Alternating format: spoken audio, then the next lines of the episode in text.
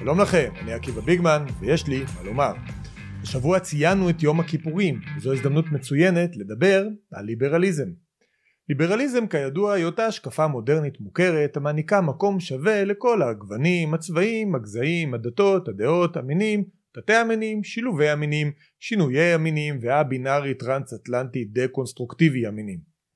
ככזה הליברליזם דוגל בשילוב מלא ומוחלט של כל אדם באשר הוא אדם בכל מרחב ציבורי, פרטי, וירטואלי או מדומיין. אולם שלא תתבללו, שלא תתבלבלו, הליברליזם הוא לא פראייר. זו לא השקפה שאומרת שכל אחד יעשה מה שהוא רוצה בתנאי שהוא לא פוגע בזולת ולא מפר את החוק. לא ולא. הליברליזם הוא גם לא השקפה שאומרת איני מסכים לאף מילה שלך אבל אני מוכן למות על זכותך לומר אותה. ממש לא. ולמען הסר ספק הליברליזם הוא גם לא ההגות הפוליטית שדוגלת בכך שאם אנחנו לא מאמינים בחופש דיבור עבור אנשים שאנחנו מתעבים אנחנו לא מאמינים בו כלל. זה ממש לא זה. ליברליזם הוא לא אף אחד מהדעות האלו. אלו השקפות פלורליסטיות עלובות שדוגלים בהם אנשים חסרי ערכים כמו למשל פרנק, פרנקלין דלנו רוזוולט, וינסטון צ'רצ'יל, ג'ון סטיוארט מיל, וולטייר, אדם סמית, אדמונד ברק, ג'ורג' וושינגטון, ג'יימס מדיסון, אברהם לינקולן, ג'ורג' אורוול, מרגרט תאצ'ר, נלסון מנדלה, ג'ורג' ברנרד שור וקופרניקוס. ואני מתנצל אם שכחתי כמה. אלו אנשים נחותים שאחראים לכל מה שרע בעולם, כמו למשל הדמוקרטיה המערבית או הקפיטליזם המשגשג, המדע המודרני, השלום העולמי, התבוסה של הנאצים במלחמת העולם השנייה, גילוי היבשות, מיגור המגפות, חיסול הרעב ופיתוח הידע. בושה וחרפה. אנחנו הליברלים לא רוצים חלילה שניקח מטיפוסים מפוקפקים כאלו דוגמה לשום דבר.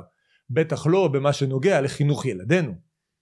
ליברליזם אמיתי, כזה שמעולם לא נוסה, הוא השקפה שיש לה עמוד שדרה, ויש לה תנאים. כדי לזכות בהטבות שהליברליזם המהותי מעניק לכם, צריך קודם כל לקבל את הערכים שהוא מנחיל. ויש לו ערכים, או-הו יש לו. למשל הוא נגד הלאומיות, נגד הדת ובעד שוויון מלאכותי כפוי באמצעות המנגנון של המדינה.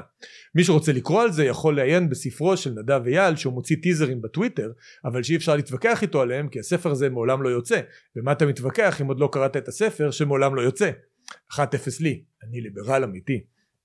בגלל זה במחנה, במחנה הליברלי יש מקום לכולם. הם עברי צבעים, מין, דת, גזע ולאום, ואכפת להם רק מדבר אחד, הדעות שלך. שתחשוב את המחשבות הנכונות על רשימה ארוכה של נושאים. אם אתה בעניין, יש לך מקום, ולא אכפת להם ממי אתה ישן ואיך אתה חי, בתנאי שמי שאתה דופק זה את ביבי. ולכן טוב מאוד שהליברלים האמיתיים שמעולם לא נוסו, פוצצו את תפילות יום כיפור בתל אביב. כאן זה לא בני ברק, שכולם חושבים, מתלבשים ומתנהגים אותו דבר. כאן זו תל אביב, שבה כולם חושבים, מתלבשים ומתנהגים אותו דבר. וזה משהו אחר לגמרי.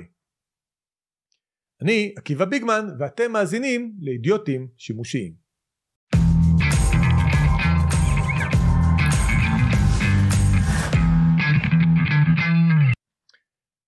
אוקיי, okay, חזרנו לפרק נוסף של אידיוטים שימושיים, פרק מספר 10, מספר המזל שלנו, מניין בהפרדה מגדרית של, של פרקים של אידיוטים שימושיים. כיף לי שאתם uh, כאן איתנו, יש לנו הרבה תכנים uh, מעניינים היום כדרכנו. אני רוצה להזכיר לכם שאנחנו פועלים לפי עקרון חמשת המ"מים של זאב ז'בוטינסקי, מנוי, מגיב, משתף, ממליץ, מחבב, מי שעושה את הדברים האלה עוזר לפודקאסט שלי, עוזר לפודקאסט אידיוטים שימושיים. הכי חשוב כמובן, מנוי, יש לינק בתיאור של הוידאו הזה, אפשר גם למצוא בגוגל, אידיוטים שימושיים הפודקאסט של עקיבא ביגמן באתר מידע.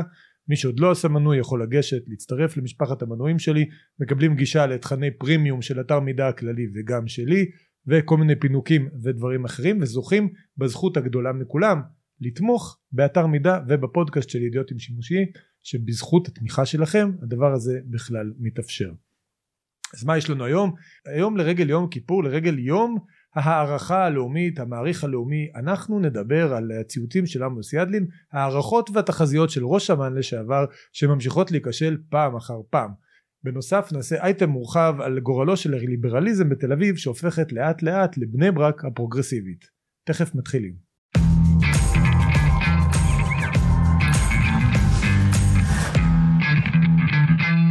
הימים הנוראים כידוע לכם אלו ימים של חשבון נפש ושל מחשבה עמוקה על איפה טעינו, איפה שגינו, מה הערכנו נכון, מה הערכנו לא נכון, מה חזינו בצורה מדויקת ומה חזינו בצורה לא מדויקת ועל כל הדברים האלו לבקש סליחה ומחילה ולקבל על עצמנו לעתיד לשפר את ההערכות שלנו ואת התחזיות שלנו. בגלל זה כולם מתעסקים ביום כיפור באלי זעירה, ראש אמ"ן שהתחזיות שלו וההערכות שלו הובילו למעשה למחדל מלחמת יום כיפור. אבל למה להתעסק בעבר כשעוד חי בינינו ראש אמ"ן אחר חי ונושם שהתחזיות וההערכות שלו ממלאות את ימינו וחיינו וראש האמן הזה לשעבר יש לו אפילו פרופיל טוויטר. ולכן אנחנו כלקח מאותה מלחמה הנוראה וברוח הימים הנוראים נעסוק בעמוס ידלין מפקד חיל האוויר וראש אמ"ן לשעבר ומחזיק בפרופיל הטוויטר העכשווי. ההערכות של ראש האמן ידלין הן מאוד מעניינות, מרתקות, עמוקות, מבוססות ובעיקר שגויות.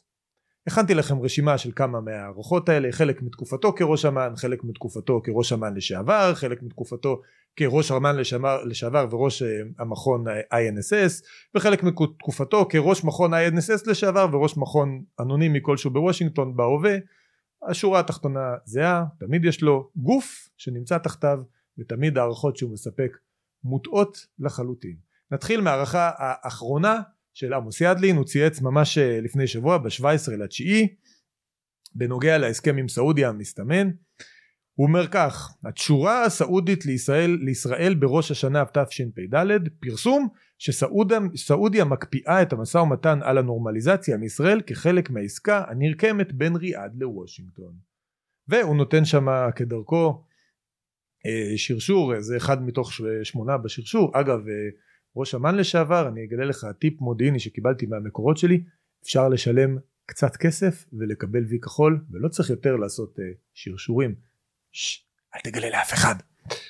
זה uh, עמוס ידלין על, uh, על הנושא הסעודי, הוא אומר, uh, הוא, הוא אומר שסעודיה יורדת מהנורמליזציה עם ישראל כי יש עסקה מקבילה בין ארה"ב לסעודיה, ישראל בכלל לא בתמונה, ישראל, ישראל לא תקבל שום דבר, הוא אומר ספוילר ייתכן שתהיה עסקה בלי ישראל כמובן אנחנו יודעים שזה לגמרי הפוך מדברים על עסקה עם ישראל אנחנו מגלים יותר ויותר פרטים על העסקה הזאת כמו אה, השערת אורניום אה, בסעודיה ודברים כאלה ואחרים. צריך להתייחס לזה באחד הפודקאסטים כי זה נושא באמת אה, סבוך ויש לישראל גם סיכונים.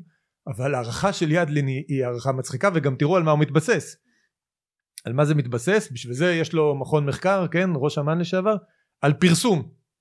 לא יודע איזה פרסום לא יודע איפה הוא ראה. הוא ראה כותרת בעיתון ישר הוא עשה אה, אה, הוא עשה מזה שרשור הוא גם כותב שם לא הקראתי קודם אבל הוא מדבר על חמש הבנות אליהן הגענו בצוות מיינד ישראל. יש לו צוות חשיבה שלם שהגיע לחמש תובנות כבר הפעיל את כל הדבר הזה. על סמך איזשהו פרסום שסעודיה מקפיאה את הנורמליזציה פרסום שתוך כמה ימים מתברר כלא רלוונטי אה, לשום דבר אז טוב מאוד שעמוס ידלין לא נמצא במעגל ההחלטות בנושא הגרעין הסעודי והוא גם לא מוחק ציוצים שזה כבר משהו כי אחרים נוטים לפעמים למחוק.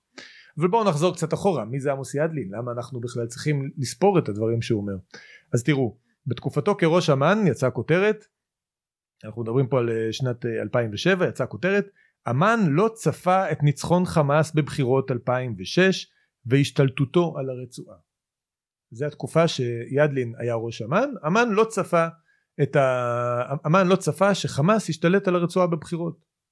אוקיי? היה דיון אחרי התנתקות האם לאפשר לחמאס לרוץ בבחירות האלה, אה, בדרך כלל היו אוסרים על חמאס לרוץ בבחירות כי זה ארגון טרור, קשור לאחים המוסלמים וכן הלאה, ואמ"ן לא חזה שאם חמאס יתמודד הוא ינצח. אנחנו יודעים כמובן שהוא טעה. אבל למרות הטעות של אמ"ן, שבתקופה הזאת אולי זה התפר אה, בכהונתו של ידלין ויכול להיות שההערכה הזאת היא אולי באמת לא באחריותו. יכול להיות שזאת הערכה שבוצעה אה, לפני תקופתו. גם אחרי שחמאס ניצח יש לנו אה, הערכה מעניינת מאוד של ידלין. שימו לב מה הוא אומר זה על פי פרסום בוויקיליקס שפורסם גם בעיתונות הישראלית. ופרסום הזה הוא מ-2010 אבל זה מדבר על דברים שידלין אמר ב-2007 בשיחות עם בכירים אמריקאים לכן זה בוויקיליקס. הוא אומר ככה ידלין ב-2007 אשמח אם חמאס ישלוט בעזה לפי מסמך שנחשב בוויקיליקס ראש אמ"ן דווקא רואה בחיוב השתלטות של ארגון הטרור על הרצועה כי לאחריה ישראל תוכל להתייחס אליו כאל מדינה עוינת ואז יהיה אפשר לפעול ביתר קלות כלפי הטרור. והמעורבות האיראנית ברצועה לא מטרידה אותו כל עוד אין שם נמל. לכן לא אכפת לו המעורבות האיראנית נוכל לשלוט. הוא חושב שהשתלטות חמאס על עזה זה התפתחות חיובית. כולנו ראינו שהאמת היא הפוכה. יש כאן איזשהו קו מחשבה אצלו אצל ידלין שהוא אומר וגם נראה את זה חוזר על עצמו הרבה דברים שאם חמאס או ארגון טרור אחר כמו חיזבאללה שתכף נראה משתלט על שטח ויש לו אחריות על שטח ואחריות על תושבים וכן הלאה זה מאפשר זה יכול לגרום לו אולי גם להתמתן כי יש לו אחריות לתושבים ודברים כאלה אבל זה מאפשר לנו לגבות ממנו מחירים. והרעיון הזה הרציונל הזה אומר בוא ניתן לארגון טרור בוא ניתן לאויב ניתן לו נכסים ניתן לו לשלוט ברצועת עזה ניתן לו מדינה דה פקטו ניתן לו אולי אסדת גז בלבנון ואז יהיה לו מה להפסיד שנוכל לקחת ממנו. בוא נחזק את האויב החלש. אנחנו לא מצליחים להתגבר על האויב שלנו שהוא חלש אז בוא נחזק אותו ניתן לו כל מיני דברים ואז יהיה לנו מה לקחת ממנו ויהיה לו מה להפסיד. ואז נוכל אולי לשכנע, אותה, לשכנע אותו להפסיק להיות רע. זה היגיון שקשה לקבל אותו. לפי ההיגיון הזה אולי אה, בעלות הברית בסוף מלחמת העולם השנייה היו צריכות לתת לנאצים אה, פצצת אטום שאז יהיה להם מה להפסיד. אולי היה צריך אה, לתת להם עוד דיוויזיות טנקים שהיטלר יוכל להגן על עצמו בבונקר שיהיה לו מה להפסיד ההיגיון הזה כל כך מעוות אם אוהב שלך חלש אולי זה טוב שהוא חלש וצריך לנצל את זה לטובתך. הנה הגענו להסכם עם לבנון. עמוס ידלין אומר בקיץ שעבר הוא אומר אה, לקראת ההסכם זה סליחה זה לא מהקיץ שעבר זה כמעט אה, לפני שנה זה מהשני לאוקטובר 2022 אחרי שההסכם כבר מתקדם אה, מאוד. והוא אומר כך נראה שההסכם בין ישראל ללבנון על סימון הגבול במים הכלכליים קרוב לסיכום. למרות שהפרמטרים של ההסכם לא פורסמו נראה שמדובר בווין ווין הצדדים מקדמים את האינטרסים החשובים להם ובעיקר אל מול חלופה מאוד לא רצויה. עימות צבאי רחב היקף והרסני לשני הצדדים. ההסכם עם לבנון זה ווין ווין הם מקבלים את האסדה שהם רוצים אנחנו מקבלים את ה... אנחנו מקבלים שלהם תהיה האסדה שהם רוצים ואז אנחנו נוכל לגבות מהם מחירים. תראו מה עמוס ידין אומר כמה חודשים אחרי זה כבר במרץ 23 הוא כותב כך השחיקה בהרתעה הישראלית חוסר התגובה לשיגור המל"טים שביצע חיזבאללה לעבר אסדות הגז בשנה שעברה ונכונות ישראל לקיים את המשא ומתן על הגבול הימי עם אקדח לרקה שחקו את ההרתעה זאת אומרת ההסכם שהוא תיאר אותו כווין ווין חצי שנה לפני כן אחרי שכבר היה המשא ומתן הזה עם האקדח לרקה חצי שנה אחר כך אולי כי התחלפה הממשלה הופך להיות דבר ששחק את ההרתעה וחיזק את נסראללה. מעניין, מעניין איך זה קרה. למה לא אמרת את זה בזמן אמת? כשניהלו את אותו משא ומתן שאז הוא רץ מאולפן לאולפן לשבח את ההסכם ולתאר אותו כל הזמן כווין ווין זה היה המוטו שלו בעניין הזה. ותראו גם אומר, אה, אומר בהמשך במקום אחר. אלוף במילואים עמוס ידלין התייחס למתיחות הביטחונית ואמר כי כל החזיתות בפוטנציאל של התלקחות לנסראללה יש ביטחון עצמי ממה שקרה עם סימון הגבול הכלכלי בים התיכון ויש לו פחות מה להפסיד ככל שהזמן עובר. אז הווין ווין הזה שבו נסראללה מקבל משהו להפסיד כדי שאנחנו נוכל לגבות ממנו מחיר ואז אולי הוא יתנהג כמו בן אדם נורמלי הופך למשהו שחיזק את נסראללה שחק את ההרתעה וגם בסוף לנסראללה אין מה להפסיד. עמוס ידלין מה התחזית שלך מה ההערכה שלך לי נראה שההערכה של עמוס ידלין משתנה לפי, לפי הממשלה או לפי הפוליטיקה. אבל זה רק אני. איכשהו נראה שהערכות של עמוס ילדין הולכות תמיד בדיעבד. אם הולך להיות הסכם וההסכם הזה נחשב כדבר טוב עמוס ילדין להגיד שזה טוב. אם יתברר בדיעבד שההסכם לא טוב או אולי כי התחלפה הממשלה ובא לו להגיד ש... שה... שהמצב לא טוב אז הוא יאשים את ההסכם שהוא תמך בו בדיוק לפני רגע בדרדור המצב. לעמוס ילדין לא אכפת באף אחת מהערכות המודיעין שהוא קרא לא היה כתוב שראש אמ"ן לשעבר צריך להיות עקבי הנה דברים שהוא אמר בתור ראש אמ"ן דרך אגב אם כבר מדברים על אה, לבנון אחרי מלחמת לבנון השנייה שכולנו יודעים מה היא גרמה. ראש אמ"ן אנחנו מדברים על 2007 שוקמה ההרתעה מול סוריה ואיראן. בסקירה בוועדת חוץ וביטחון אמר אלוף ידלין ההרתעה הישראלית שוקמה מאז מלחמת לבנון השנייה וזה משפיע על כל המערכת האזורית. שוקמה ההרתעה אחרי מלחמת לבנון השנייה מה אנחנו נגיד? שוקמה. אם היא שוקמה אז שוקמה. דבר אחר שחביב מאוד על ידלין זה הנושא הפצצה האיראנית. עמוס ידלין בתור מעריך מודיעין מקצועי אחד מהתפקידים שלו זה לתת הערכה מתי איראן תגיע לפצצה זאת השאלה הכי קריטית אם איראן תגיע לפצצה מחר בבוקר יכול להיות שצריך לתקוף אם איראן תגיע לפצצה עוד 3-4 שנים אולי יש לנו זמן לדברים אחרים. שאלה קריטית.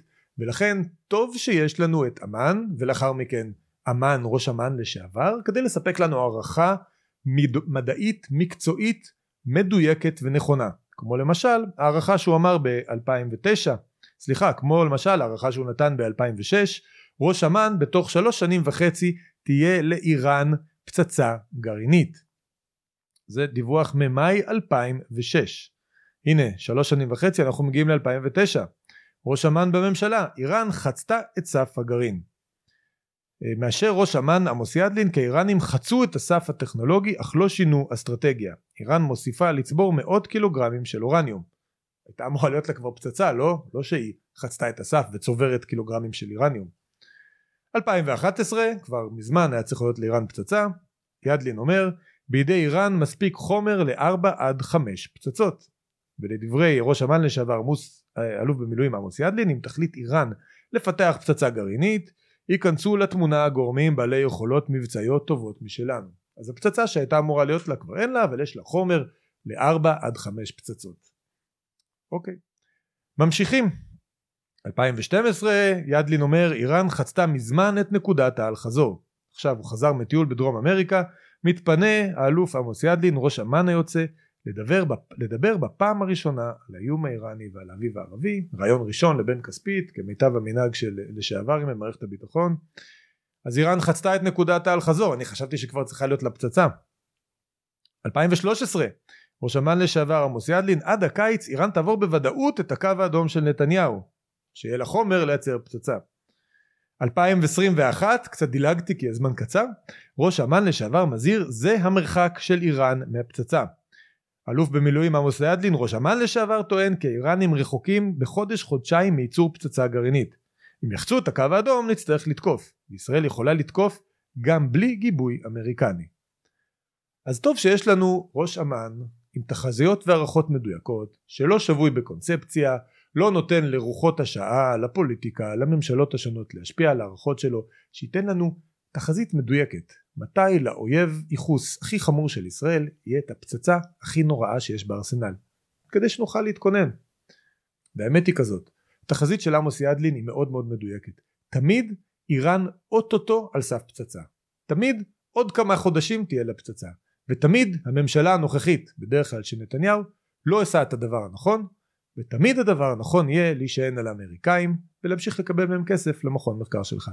אבל זה לא משנה כי עוד טוטו עוד כמה חודשים לאיראן תהיה פצצה ואז שום דבר כבר לא חשוב. מי יזכור בכלל את הערכות מודיעין שלנו אחרי שכולנו נעלה באש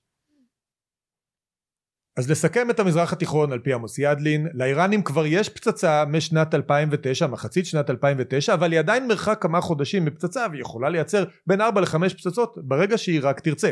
ודרך אגב, ההרתעה של ישראל בלבנון שוקמה באופן דרמטי אחרי מלחמת לבנון השנייה, והיא שוקמה אפילו יותר אחרי הסכם הגז הימי של ממשלת לפיד, ששחק את ההרתעה בגלל שהם ניהלו את ההסכם תחת אש, ולנסראללה כבר אין מה להפסיד, אז צריך להיזהר מהתלקחות בגבול הצפון.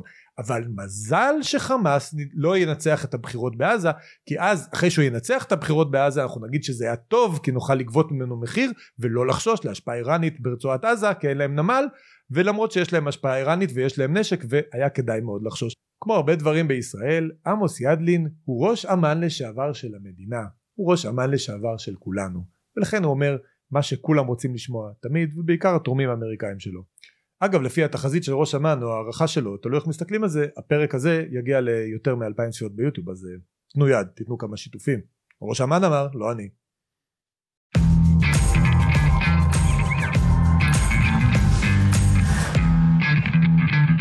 בחג הזה ראינו uh, תופעה חריגה לדעתי חסרת תקדים של התפרעויות והפרעות לתפילות בתל אביב במרחב הציבורי בתל אביב. uh, הפריעו בכמה מוקדים לתפילות שהיו צריכות להיות תפילות אורתודוקסיות עם סוג מסוים של אה, מחיצה מה שהם קוראים לו הפרדה מגדרית מה שפשוט מכונה אצל כל היהודים הדתיים אה, מחיצה זאת ההלכה ככה נהוג אה, אפשר לאהוב את זה אפשר שלא זאת ההלכה היהודית התפרעו נגד הדבר הזה הפריעו לתפילות עשו רעש הפריעו לתקיעות שופר במוצאי הצום פוצצו חלק מהתפילות עצמן עד שהמשטרה הייתה צריכה ללוות את המתפללים למקומות אחרים וביממה שחלפה מאז אנחנו שומעים המון, המון דיבור על הנושא הזה. מה שהפתיע אותי מאוד זה העובדה שיש כאן גם פוליטיקה מוחלטת. אף אחד מהמחנה השני מהשמאל חוץ מכמה דתיים לאומיים כמו מתן כהנא וחילי טרופר ודומיהם אף אחד מהם לא הזדעזע על עצם הרעיון הזה שלא מאפשרים לאנשים אה, להתפלל במרחב הציבורי כפי שהם מאמינים שצריך להתפלל. ודרך אגב הם גם כנראה ביצעו את אותן מחיצות בהתאם לפסיקת בג"ץ לא באופן אה, שכופה על אף אחד לא שמכריח מישהו להיות בהפרדה מגדרית. אה, יש איזה פינה שמי שמעוניין בתפילה מהסוג הזה יכול לקבל אותה לא דבר שפוגע באף אחד ולא בוודאי לא משנה שום צביון אה, של אף עיר אבל יש תמיכה גורפת של השמאל באלימות הזאת שהופנתה שם בלקיחת החוק לידיים של אנשים שהם החליטו שהם יאכפו את הוראות בג"ץ ולא המשטרה או, או ראש העיר או מי שאחראי על זה. ראש העיר דרך אגב כמו שנראה אה, החליט הוא החליט משיקוליו לבקש לא לאכוף את זה בצורה אה, תקיפה והוא צודק מאוד לדעתי בעניין הזה לא בעניינים אחרים. אבל אזרחים תושבי העיר הם לא ירשו שיהיה אצלם אפילו לכמה שעות הפרדה מגדרית והם אה, יצאו נגד זה ופוצצו את התפילות. אלו מראות נוראים שלא ציפינו לראות אה, אצלנו במדינה ובטח לא בעיר תל אביב העיר הפלורליסטית העיר העברית הראשונה. אה, הם לא דברים שצריכים לראות. עכשיו תראו אחת הטענות אחת הטענות שעולות וזו טענה אחת הטענות שעולות והיא טענה חשובה שלדעתי שופכת אור על כל התפיסת עולם שמנחה את המהומות האלה היא התפיסה שאנחנו תל אביב אנחנו פלורליסטים ואנחנו לא צריכים לקבל כל דבר. אנחנו לא צריכים לקבל אנטי פלורליזם כמו מה שביניהם זה אה, לשים מחיצה. והם אומרים מה יקרה אם בבני ברק אנחנו נרצה לעשות מצעדי גאווה או תפילות קונסרבטיביות? אני מקריא לכם כמה ציטוטים ברוח הזה כי הטענה הזאת היא טענה חשובה שהיא קולעת בול לנקודה אז תראו אה, צייצן בשם אה, עמוס פיקל הוא אומר ככה בואו נעשה ניסוי תפילה בשבת בבית כנסת מאולתר בלב בני ברק התפילה תנוהל על ידי רבה אישה בנוסח רפורמי בליווי נגינת עוגב וללא הפרדה בין גברים ונשים. אם האירוע עובר בשלום, הפשיסטים הדתיים מוזמנים להתפלל בלב תל אביב. שמחתי לעזור. אוקיי? נעשה ניסוי, בוא נשים בבני ברק את המניין הרפורמי הזה. הבנו את הטענה. שני אשכנזי אומרת בני ברק שייכת לציבור הליברלי ומותר לערוך בה מצעדי גאווה. והקבלה היא כמו שהדתיים טוענים שתל אביב שייכת ליהודים או לכל הציבור ולכן מותר להתפלל שם גם אה, עם אה, מחיצה ככה בני ברק שייכת לציבור הליברלי והם צריכים לעשות שם מצעדי גאווה. הטענה הזאת היא טענה שקולעת בול לנקודה כי זה בדיוק ההבדל בין תל אביב לבני ברק וזה בדיוק ההבדל בין תל אביב האמיתית הליברלית והפלורליסטית לבין תל אביב הפרוגרסיבית שהחבר'ה האלה מהמחאה ומהשמאל מנסים לקדם. ואני אחדד. בני ברק זאת עיר סגורה. זאת עיר שחיים בה תושבים רק מסוג אחד. יש שם גוונים חסידים מתנגדים וזה אבל זה תושבים מסוג אחד שיש ביניהם הסכמה כללית נוקשה ורחבה על המון המון כללים. יש שם קוד לבוש מאוד ברור יש שם קוד התנהגות מאוד ברור יש שם תרבות מאוד ברורה לומדים תורה לא הולכים לצבא אה, לא הולכים לעבוד לפחות הגברים זה עיר הומוגנית נוקשה וסגורה. זה בני ברק. אין בבני ברק אנשים שרוצים תפילה קונסרבטיבית ורפורמית. אין בבני ברק אנשים שרוצים מצעד גאווה. זה בני ברק. אני לא מסכים עם זה. זה, אני סולד מזה אפילו, יש לי ויכוח עם האידיאולוגיה הבני ברקית, וזה בני ברק. תל אביב אמורה להיות אחרת. תל אביב אמורה להיות עיר שבה יש מגוון. יש חילונים, יש להט"בים, יש ערבים, יש יהודים, ויש גם יהודים אורתודוקסים, ויש גם דתיים, ויש גם, אתם יודעים מה?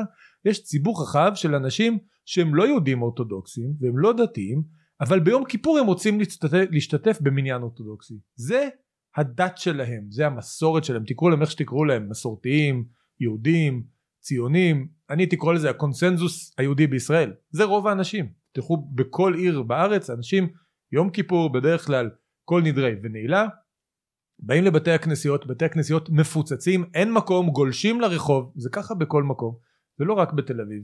יש הרבה אנשים בתל אביב שרוצים לקנות את הסחורה הזאת.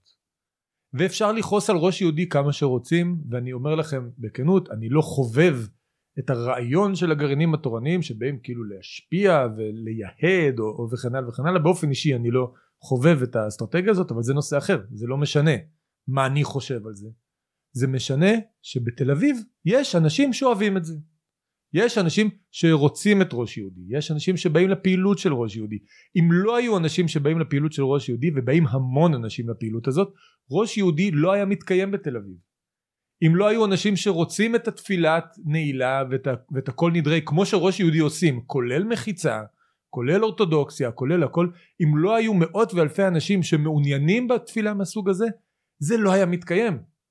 ישראל זעירה הוא לא טמבל, הוא לא בא לבזבז את הזמן שלו על אנשים אטומים שלא רוצים לשמוע. הוא רואה שיש ביקוש, הוא רואה שיש צמאון, ככה הוא גם מתנסח, והוא רוצה לתת לו מענה. אפשר להתווכח על איתו, אפשר להתווכח על האסטרטגיה הזאת, אפשר להתווכח איתו במונחים דתיים, במונחים חברתיים, אפשר לנהל אותו אלף ויכוחים. כמו שאמרתי, אני לא, זה לא כוס התה שלי אה, הפעילות הזאת, מכל מיני סיבות, אבל יש לזה ביקוש. בבני ברק אין ביקוש לתפילה הרפורמית הזאת שהם מציעים בתרגילים המדומיינים שלהם. בבני ברק אין ביקוש למצעד גאווה. אם בבני ברק היו 20% שרוצים מצעד גאווה והם היו אומרים בואו נעשה מצעד גאווה בבני ברק אני הייתי תומך בזה. זה תושבי בני ברק גם להם יש זכויות. אבל בבני ברק אין את הציבור הזה וזה כל ההבדל. בני ברק היא חברה הומוגנית וסגורה אידיאולוגית דתית תרבותית. תל אביב היא אמורה להיות חברה פתוחה בכל הדברים האלה ויש שם את כל המגוון. כולל אנשים שתומכים בלהט"בים ותומכים בשמאל שבאים לתפילות האורתודוקסיות. זה מה שתל אביב מאפשרת זה המגוון הזה. זה מה שליברליזם מאפשר הוא מאפשר את המרחב שאתה יכול להיות במחנה x באלף בית ג' במחנה y בד' ה' ו' ובמחנה z בדברים אחרים. אתה יכול לבחור לעצמך אתה לא חייב לבחור השתייכות נוקשה. החבר'ה האלה של המחאה אלו שפוצצו את התפילות ביום כיפור ולצערי כל השמאל הולך איתם כי המחאה היום מובילה את השמאל רוצים שתל אביב תהיה כמו בני ברק. הם רוצים שהליברליזם שהחילוניות שהשמאלניות או תקראו לזה איך שלא תקראו לזה פרוגרסיביות אולי זה המילה הכי נכונה הם רוצים שזה לא יהיה מרחב פתוח ושוויוני של חופש של חירות של בחירה אישית של מגוון של שילובים כמו הומו דתי הומו ימני אה, אני יודע מה ימני חילוני. לא. הם רוצים שזה יהיה מרחב נוקשה. הם רוצים את הבני ברק הפרוגרסיבית שלהם. בתל אביב לא יהיה דברים אחרים. יהיה רק את הקו שלהם. יהיה רק את התפילות כמו שהם חושבים שהן צריכות להיות בלי מחיצה יהיה רק את הדברים שהם רוצים לראות שמה. יהיה את השילוב מסתננים שהם רוצים לראות שמה.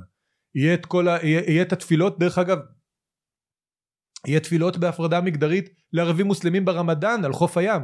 את זה הם רוצים שיהיה שם זה יהיה בני ברק הפרוגרסיבית.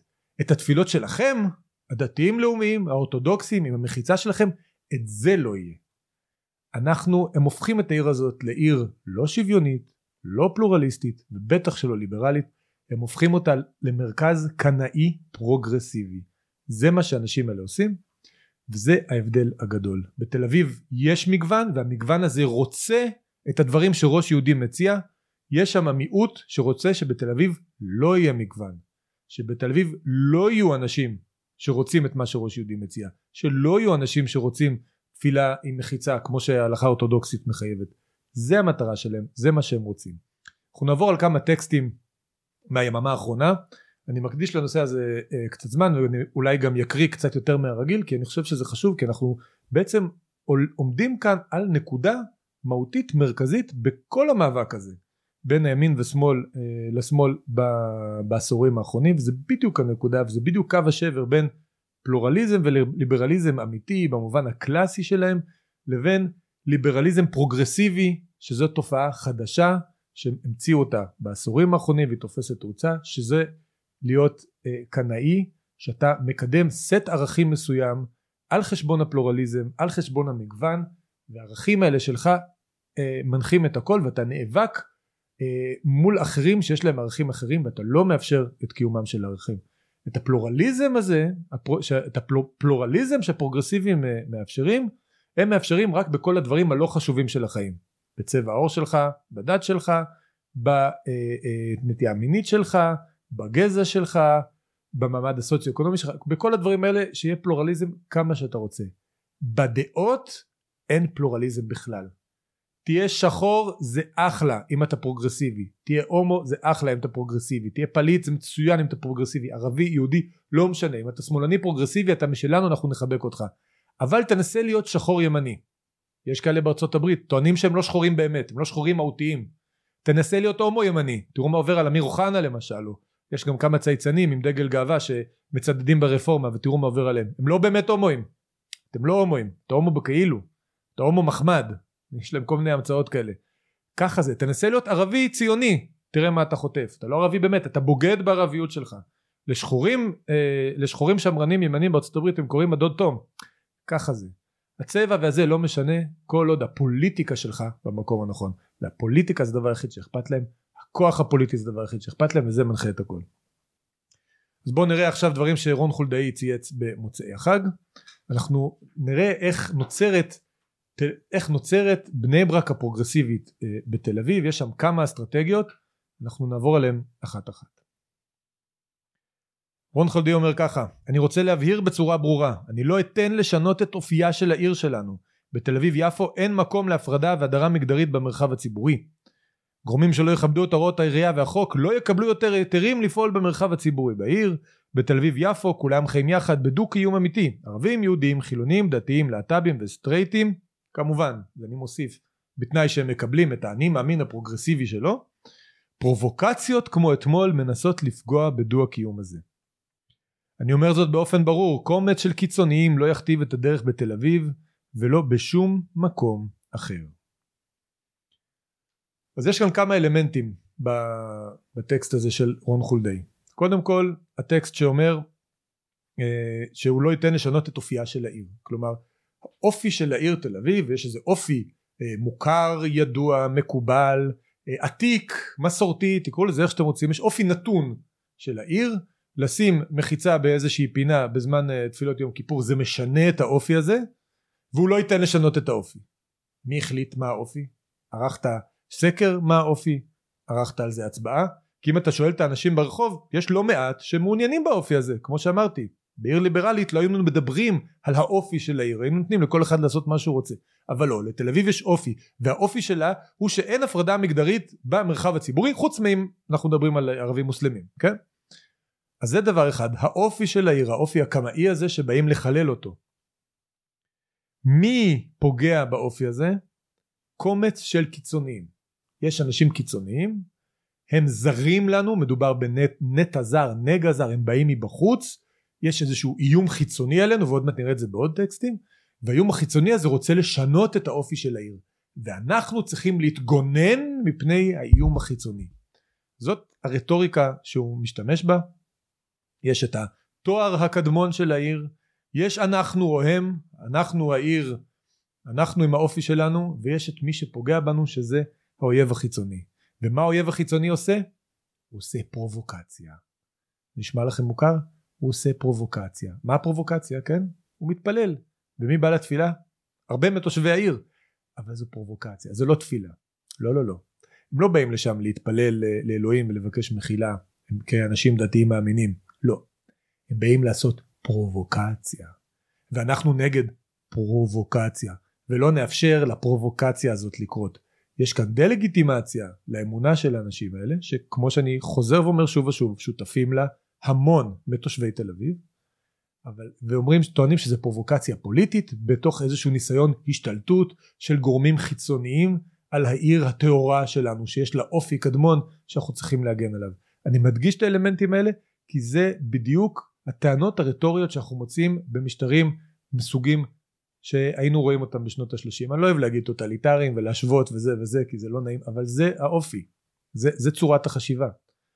יש את התואר הקדמון שלנו, יש גורמים חיצוניים שמאיימים עליו, הגורמים החיצוניים האלה עושים פרובוקציות והמטרה שלהם היא לפגוע בנו, וזה יורד לאנחנו או הם, ואנחנו צריכים להגן על עצמנו מפניהם. אני יודע שאומרים כל הזמן את זה על רטוריקה של נתניהו, וזה נכון, הוא גם משתמש ברטוריקה כזאת, אבל הם משתמשים בזה הרבה יותר. הם משתמשים בזה הרבה יותר, הם רואים את עצמם כמחנה נאור שמאוים. זה התפיסה שלהם. הנה שקמה ברסלר, שאם אה, אה, אתם מחפשים מישהו שייתן לכם את הניסוח הכי קיצוני, פסיכי ומטורלל של איזושהי טענה פוליטית, אתם יכולים לסמוך עליה. היא אומרת ככה, לא רק שמותר, אלא חובה על ציבור חפץ חיים להגן על ערכיו ועל אורחות חייו. מוגש כשירות למי שמבלבל בין פלורליזם לאובדן ערכים. מי פגע בערכים שלך, גברת ברסלר? אנשים התפללו ברחוב, פעם בשנה, התפללו ברחוב. ושאר השנה הם מקיימים שיעורי תורה בכל מיני חדרים סגורים.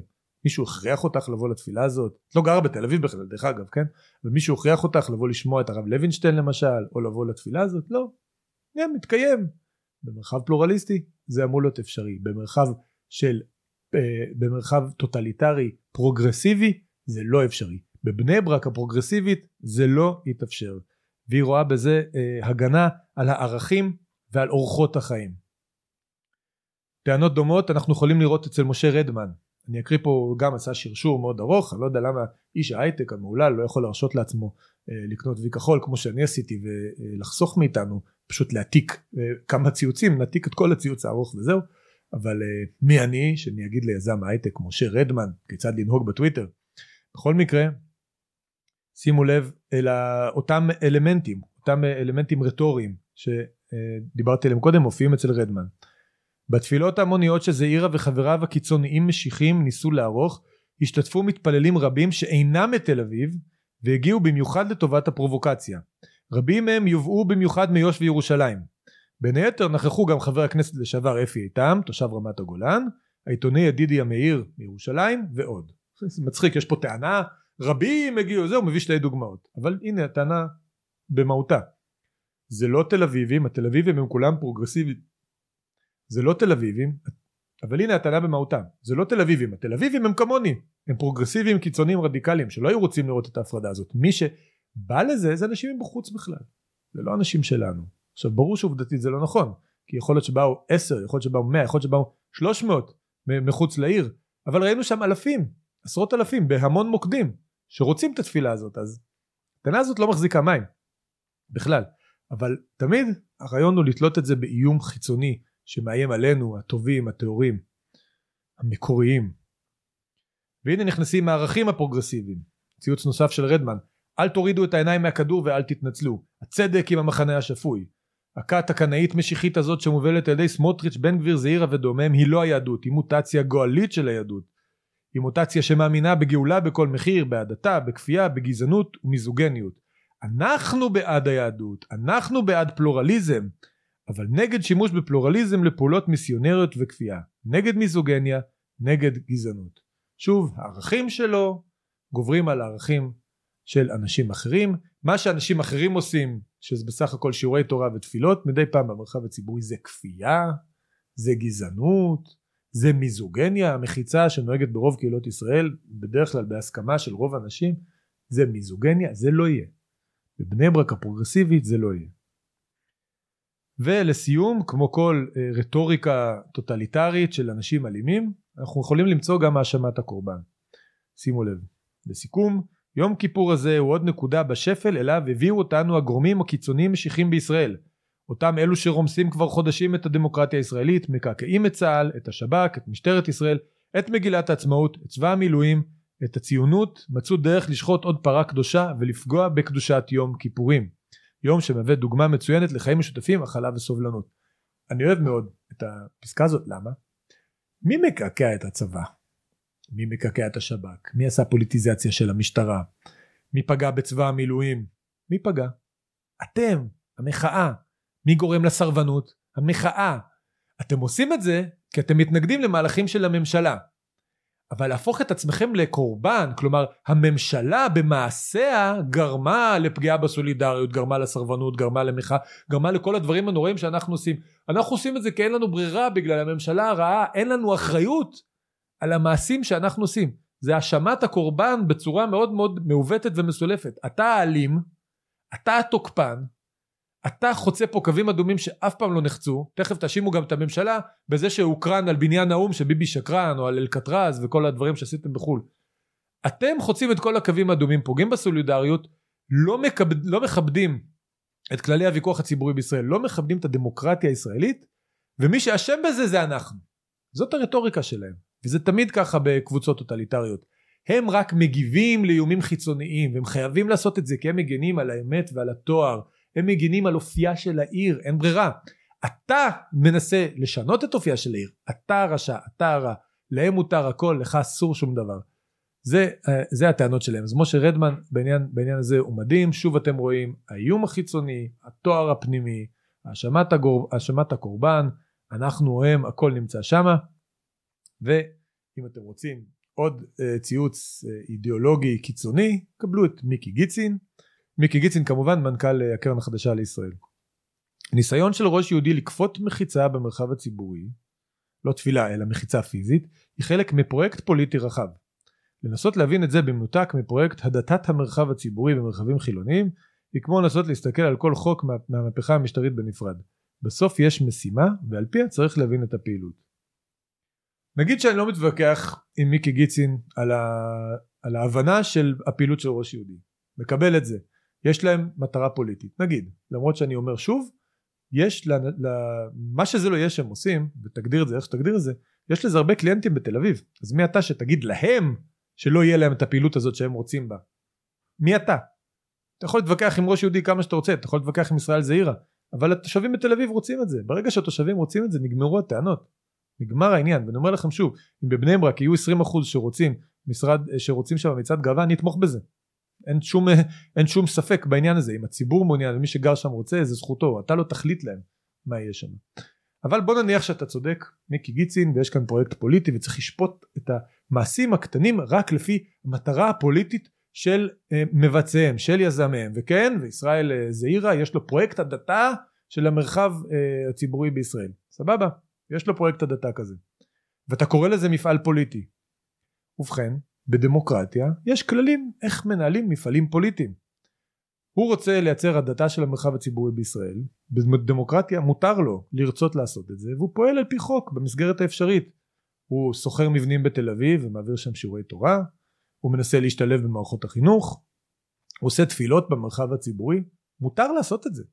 הוא לא עובר על החוק, הוא לא עושה משהו אה, שאסור, הוא לא עושה פעילות מיסיון באמת כמו שמוגדר בחוק, כמו שאתם מתארים אותה, הוא לא חודר לך לתוך הבית, הוא לא גם עושה כפייה, הוא הכריח מישהו להתפלל במניין עם מחיצה, זה מחיצה של חמש מטר.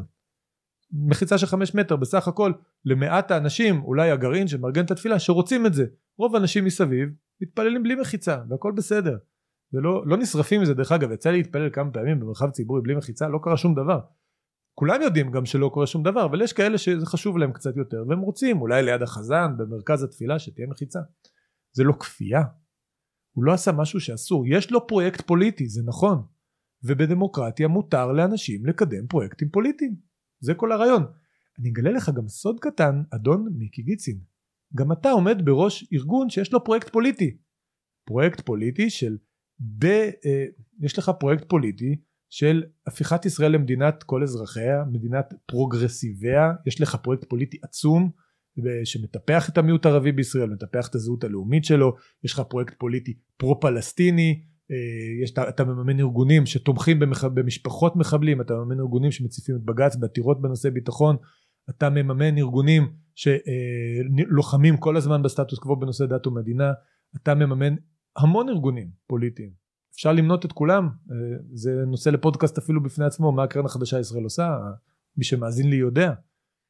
אתה גם יש לך פרויקט פוליטי, אז צריך עכשיו, מה שאתה טוען זה שצריך כל פעולה של כל ארגון שלך לשפוט לפי המטרה הפוליטית של הקרן החדשה לישראל ומממניה, שזה לראות בישראל מדינה אה, דו-לאומית לא ציונית ש, שחיה לצידה של מדינה פלסטינית. אנחנו צריכים כל פעולה שהקרן החדשה לישראל עושה לשפוט לפי המטרה הזאת ולמנוע אותה כולל באמצעות שימוש בכוח ברחוב. זה מה שאתה אומר פה מיקי גיצין. אתה בעצם קבעת את האסטרטגיה למלחמה בקרן החדשה לישראל. ואם עד עכשיו הימין ניסה לפעול באמצעים פרלמנטריים במסגרת החוק, אה, חוק השקיפות על אה, תרומות של עמותות, ניסיונות אה, לבלום או לצמצם תרומות שמגיעות ממדינות זרות באמצעות הכנסת, לא, אתה צודק, צריך לפעול בדרך אחרת. כל פעם שיהיה איזושהי הרצאה או שיהיה איזושהי פעולה במרחב הציבורי של שוברים שתיקה למשל או של בצלם או שהם יבואו לעתירות לבג"ץ אתה רוצה שיבואו המוני מפגינים ימנים כדי להפריע להם. אתה רוצה שיבואו ויקרו להם את השלטים. אתה רוצה שיכבו להם את המיקרופון. זה מה שאתה רוצה כי צריך לשפוט כל פעולה לאור התוצאה שלה וזה מצדיק אלימות ברחוב. הלוגיקה המיקי גיצין של הדברים שאתה אומר היא לוגיקה מסוכנת אתה לא מבין אפילו עד כמה בדמוקרטיה מותר שלאנשים יהיו פרויקטים פוליטיים. זה מותר לישראל זעירה כמו שזה מותר לך. ובפרויקטים פוליטיים יש דרך להיאבק באמצעים פוליטיים בדמוקרטיה. אתה לא אוהב את מה שישראל זעירה עושה? תיאבק בו. אתה יכול אפילו לחוקק חוקים נגד דברים מסוימים אתה יכול לנסות לגייס לזה תמיכה אין בעיה. אתה לא יכול להפעיל אלימות ברחובות. זה הדבר האחרון שאתה יכול לעשות אתה יכול להיאבק בו בדעת הקהל אתה יכול להיאבק בו בכנסת אתה יכול להיאבק בכל מקום שמותר ולגיטימי להיאבק בבג"ץ אתה יודע כבר להיאבק לא צריך לגלות לך. תיאבק בכל מקום. ברחוב אסור. אתה התרת פה אה, פעולה ברחוב. זה חמור מאוד. אז אנחנו רואים פה שבשמאל נבנה הרעיון הזה של בעצם תל אביב כבני ברק הפרוגרסיבית. לא יהיה פלורליזם לא יהיה חופש יהיה דעה אחת הדעה הפרוגרסיבית. יש ציוד שבו הם מראים את התפילה שהם רוצים שיהיה וכתוב שם אפשר גם אחרת ומראים לנו אה, תפילה ברחבת הבימה של אה, להט"בים וסטרייטים ו- ו- ו- ונשים ובתפילה קונסרבטיבית בהובלת רבה. אפשר גם אחרת כאילו לצד החושך של האורתודוקסים והמכות שהם עשו את המכות אפשר אחרת אפשר כולם ביחד באהבה מי זה כולם ביחד באהבה התפילה הפרוגרסיבית זה האלטרנטיבה זה מה שהם רוצים לראות. הם רוצים שתל אביב תהיה בני ברק הפרוגרסיבית. יש תפילה שהיא מותרת יש תפילה שהיא אסורה הם השתמשו בכל האמצעים כדי לעצור את זה וכמו שאמרתי הם משתמשים ברטוריקה טוטליטרית של אנחנו אנחנו או הם התואר הקדמון שיש גורמים חיצוניים שבאים לחלל אותו ולפגוע בו ולכן הם צריכים להתגונן בו וכל דבר שאותם אה, גורמים חיצוניים עושים הוא כמובן לא לגיטימי הוא פרובוקציה. עצם המגורים שלהם זה פרובוקציה התפילות שלהם זה פרובוקציה החיים שלהם זה פרובוקציה והם חייבים להתגונן ולשמור על האופי של העיר. אבל ביממה האחרונה יצאו המון המון טקסטים גם של אנשים אחרים. אנשים חילונים תושבי תל אביב אנשים שרצו להשתתף בתפילות האלה שהם קליינטים של התפילות האלה שהם לחלוטין לא כוס המים של בצלאל סמוטריץ' ואיתמר בן גביר. הם לא מצביעים להם חלקם שמאלנים והם כותבים ברשתות. ביניהם מה שהיה ביממה האחרונה זה פשוט חילול של העיר אני רוצה להקריא פה פוסט של אדם בשם אה, גיא דוברונסקי אה, שכתב אה, מוצאי יום כיפור בפייסבוק. אני מקריא את, את רובו של הפוסט זה דברים חשובים. חשוב לי גם שאנשים שלא קראו שיכירו. והוא אומר כך בידיים רועדות ובלב כבד אני מצטער לתאר את החוויה שעברתי הערב. ערב יום כיפור בכיכר דיזינגוף מרחק של פחות 100 מטר מהבית שלי. אחר הצהריים אשתי ושתי בנותיי בת ארבע ושנה וחצי הגענו בלבוש לבן וחגיגי בשביל להשתתף בתפילת יום כיפור פעם ראשונה בחיינו. אנחנו מנהלים אורח חיים חילוני לחלוטין, לא היינו בבית כנסת לעולם, אבל רצינו לחוות את האווירה המיוחדת של יום כיפור ולאפשר לבנות שלנו להרחיב אופקים. אנחנו משפחה ליברלית חילונית, נגד כפייה דתית, נגד אלימות, והראשונים להניף את דגל ישראל והגאווה בהפגנות בקפלן. כבר בדרכנו לכיכר שמענו צעקות, ידענו שהייתה סערה סביב עניין ההפרדה, ושמחנו לשמוע שעל אף שהמארגנים ניסו לעשות הפרדה מגדרית שלא כחוק, אנשים הורידו את ההפרדה ואנחנו נוכל לשבת יחד כמשפחה. לצערנו הרב, על אף הסרת ההפרדה שתעשה לה מחלוקת, האירוע רק הסלים. בעודנו יושבים יחד על כיסאות הפלסטיק ומחכים לתחילת האירוע, אלימות מצד המתנגדים לאירוע החלה לרתוח. צעקות, שריקות, זמבורות, אלימות בילולית, צעקות בושה וזעקות למצוא מקום אחר להתפלל בו, הכל בשביל לפוצץ את האירוע. מאחורינו ישב זוג אנשים מבוגרים עם כיפה, שאחד המתנגדים ניגש אליהם וטיח בהם שהם שורפי ילדים ואיך הם לא מתביישים. אישה מבוגרת אחרת צעקה להמון להטביע את סידורי התפילה במזרקה, ובלי להתבלבל ניגשה לדוכן הספרים ופיזרה את סידורי התפילה לכל עבר. בשלב מסוים ההמון כבמתן פקודה התחיל לאסוף את כל הכיסאות מרחבת הכיכר ולא אפשרו לאנשים שרצו לשבת לקחת כיסא ולהתחיל בטקס. רמת האלימות באוויר עלתה לגבהים חדשים, בנות שהגיעו לתפילה עם משפחותיהן בכו. בשלב זה אשתי לקחה את בנותיי הביתה, לא לחוויה הזאת ציפינו. אני נותרתי יושב על הכיסא, נעלם ונעלם בתוך ההמון ורק חושב על שנאת חינם ואחים מהי, ועד כמה סמלי ועצוב מה שאני רואה לנגד עיניי. מעולם לא התפללתי, מעולם לא צמתי, מעולם לא שמרתי שבת. אך כשקבוצה קטנה של צעירים, בנים ובנות, ניגשו אליי והציעו לי להשלים מניין קטן שהם עושים בצד לתפילה, מיד נעתרתי. הרגשתי סולידריות אינסופית לקבוצה של הצעירים המפוחדים ומצד שני האמיצים האלה. הרגשתי בושה עצומה שהמחנה שלי, הליברלי לכאורה, מתנכל וזורע פאניקה בקרב החבר'ה הצעירים.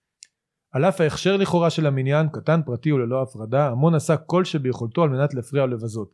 חווינו אנשים שנכנסו למעגל התפילה תוך כדי צעקות וריקודים מבזים, כניסה של אופניים ועגלות ממונעות לתוך המעגל, צעירה שהגיעה עם שני כלבים ואמרה לאחת האנשים שהיא לא תתקוף אבל הכלבים שלה יתקפו.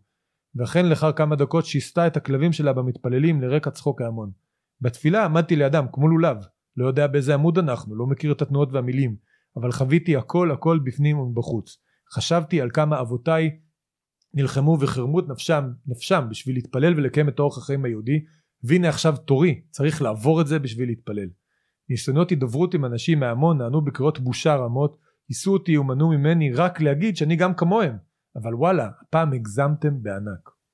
לא הייתה אלימות פיזית אמיתית אך כל עוד הייתי עם כיפה דרכו עליי פגעו בי בטעות עם כידון האופניים והרגשתי שגופי הותר לפגיעת ההמון. ספטמבר 2023, מרכז תל אביב. פחות מ-100 מטר מהבית שלי הותקפתי מילולית ופיזית כי רציתי להתפלל יחד עם המשפחה שלי ביום כיפור.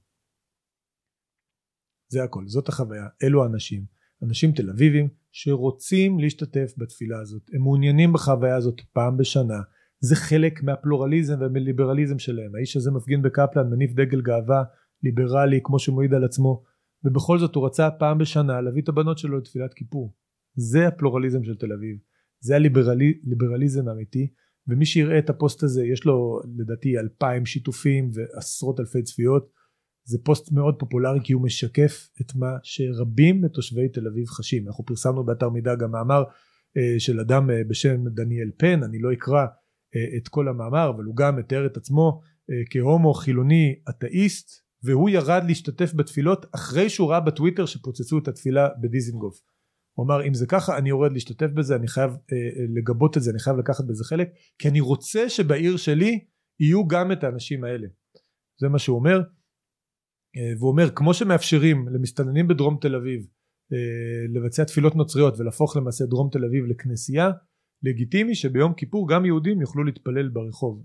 ככה הוא מרגיש. אלו האנשים שמשקפים את הקונסנזוס לדעתי האמיתי של העיר תל אביב, את הליברליזם האמיתי, ליברליזם ופלורליזם שבהם יש מקום לכולם, אבל אנשי המחאה הקיצוניים וקבוצה בתוך תל אביב רוצה שתל אביב תהיה בני ברק הפרוגרסיבית, זה המאבק שלהם, הם רוצים שהמדינה שלנו תהיה מדינת ישראל פרוגרסיבית, זה המטרה שלהם, על זה הם נאבקים, ביניהם לבין ליברליזם אין ולא שום דבר, והתופעה הכי מדהימה והכי מצערת ביממה האחרונה זה העובדה שכל הפוליטיקאים של השמאל מיישרים קו עם הדבר הזה. התפילות והאירועים האלה ביום כיפור חשפו הרבה מהאמת על המאבק התרבותי שמתרחש כאן. אנחנו רואים מי בעד פלורליזם ומי נגד מה המטרות האמיתיות של אנשי המחאה ושל אנשי השמאל הקיצוני מה החזון שלהם איך הם תופסים את המדינה הזאת איך הם תופסים את העיר שלהם. אלו דברים חשובים מאוד לכן הקדשתי לזה הרבה מאוד זמן. אני חושב שיש כאן אה, הרבה לקחים וגם המילה האחרונה עדיין לא נאמרה. התופעות האלו והתהלוכים האלו ימשיכו להתגלגל ואנחנו נראה לאיפה הדברים האלה ילכו ויתפתחו.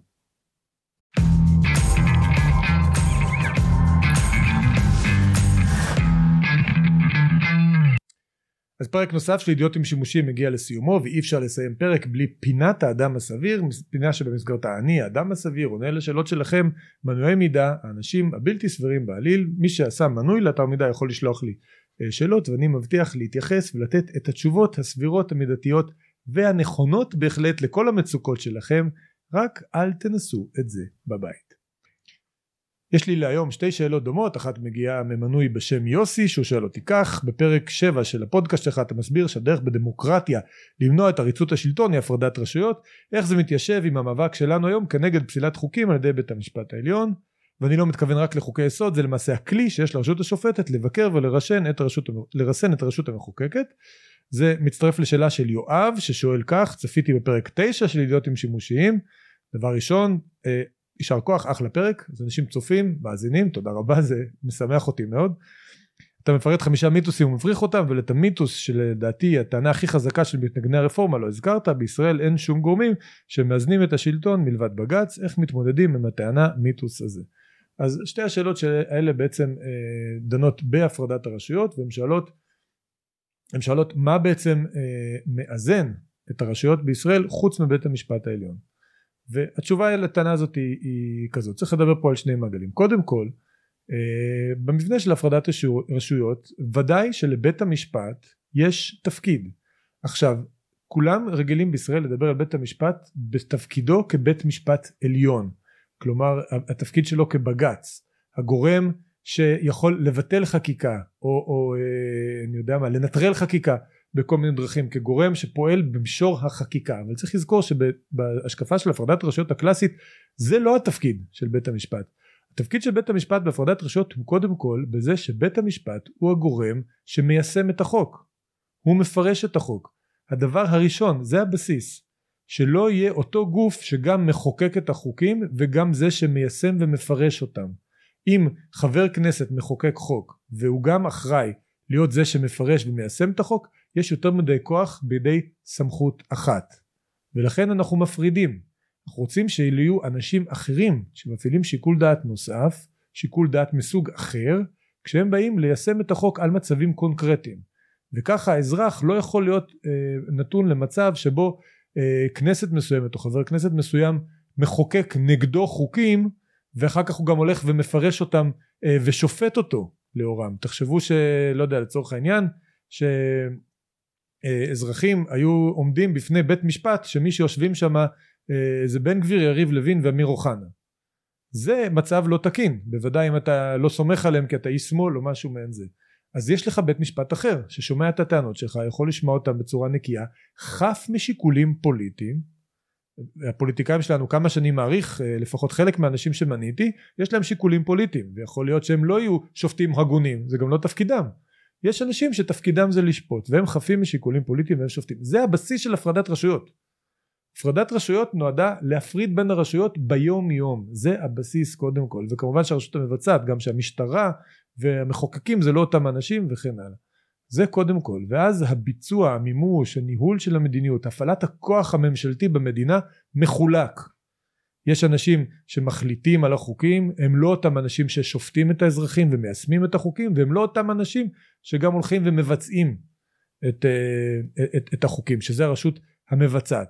זה הדבר המנגנון הבסיסי של הפרדת רשויות והוא מונע התעמרות ושרירותיות של שלטון. זה נועד למנוע מצב כמו שיש במונרכיה שהמלך קובע הכל והוא גם יכול אם לא לשפוט בעצמו אה, כמו שלמה המלך בזמנו אז הוא ודאי ממנה את השופטים בצורה ישירה ושולט בהם. זה מונע מונרכיה זה מונע משטרים טוטליטריים כמו ברית המועצות וגרמניה זה הבסיס. אם יש לך את הדבר הזה זכויות הפרט מוגנות במובנים הכי אלמנטריים ובסיסיים. עכשיו המחאה והדמוקרטים הפרוגרסיביים שלנו מה שנקרא דמוקרטיה מהותית הם כל הזמן לוקחים את זה מהמישור של היום יום של החירות הפרטית והאישית של האזרח למישור הפוליטי. מי יכול לאזן את, את הכנסת במובן הזה של פסילת חוקים או של עיצוב מדיניות של שינוי מדיניות? אז התשובה האמיתית שזה לא בהכרח תפקידו של בית המשפט יש מקומות שבהם נותנים לבית המשפט את הכוח הזה ואז זה גם מוגדר בחוקה שלבית משפט יש גם סמכות לבטל חוקים מסוימים לערוך עליהם ביקורת אולי להחזיר אותם לחקיקה. יש מנגנונים כאלה אפשר לקבל אותם. אה, אה, אפשר גם לחשוב שרצוי שיהיה מנגנון כזה בישראל. אני הדעה שלי בעניין הזה היא בסך הכל די פתוחה. יכול להיות שאנחנו רוצים מנגנון של ביקורת שיפוטית גם על חקיקה. אני לא שולל את זה על הסף אבל בישראל זה אף פעם לא הוסדר בצורה מסודרת. אה, בכל המדינות שבהם יש מנגנון כזה זה מוגדר בחוקה. יש כללים איך בית המשפט מבטל חוקים מה עושים אחר כך איך הכנסת יכולה להתגבר על הביטול שלו או לחוקק את זה אה, בהתחשב במה שהשופטים אמרו. יש כל מיני מנגנונים זה תמיד מסודר. בארץ זה לא מסודר ולכן יש את המאבק הזה ולכן יש את הרפורמה. כשרוצים ליטול מבית המשפט את הכלי של עילת הסבירות זה לא נוטל ממנו את שאר הכלים גם לבקר את הרשות המבצעת שעל זה מדובר גם לבקר את השלטון אה, זה לא נוטל ממנו לגמרי את הדבר הזה ובוודאי שכל עוד יש מערכת משפט עצמאית שהיא זאת שמיישמת ומפרשת את החוקים אה, והיא לא אותם אנשים שמחוקקים אותם זה הרעיון הבסיסי של הפרדת רשויות וזה קיים בישראל וזה לא הופר. אנחנו מדברים כל הדיון שלנו הוא על רמה יותר גבוהה שעוסקת בתפקידו של בית המשפט כמעצב מדיניות או מרסן מדיניות וזה דיון אחר לגמרי שאפשר לנהל אותו וצריך לנהל אותו אבל בין זה לבין אה, פגיעה בזכויות היסוד הבסיסיות של האזרחים בחיי היום יום שלהם אה, אין כמעט קשר וזה מה שצריך לזכור. זה לגבי העניין הזה אז תודה רבה לכם שהייתם איתי, תודה רבה לכם על ההאזנה, תודה רבה לכם על ביצוע של חמשת המ"מים שבזכותם הפודקאסט שלי ממשיך להיות מדורג גבוה מאוד במצעד הפודקאסטים בישראל וזוכה לאלפי האזנות וצפיות. אני מזכיר שוב, מנוי, מגיב, משתף, ממליץ, מחבב, מי שעוד לא עשה מנוי לגשת, לעשות מנוי, יש קישור בפודקאסט הזה, אפשר גם למצוא בגוגל, מנוי לעקיבא ביגמן מידיעות עם שימושים, זה עוזר לי מאוד. תודה רבה לכם. אנחנו נחזור בפרק נוסף אם לא במהלך חג הסוכות אז מיד לאחריו ואנחנו נתראה בהמשך חג שמח לכולם והמשך שנה טובה שתהיה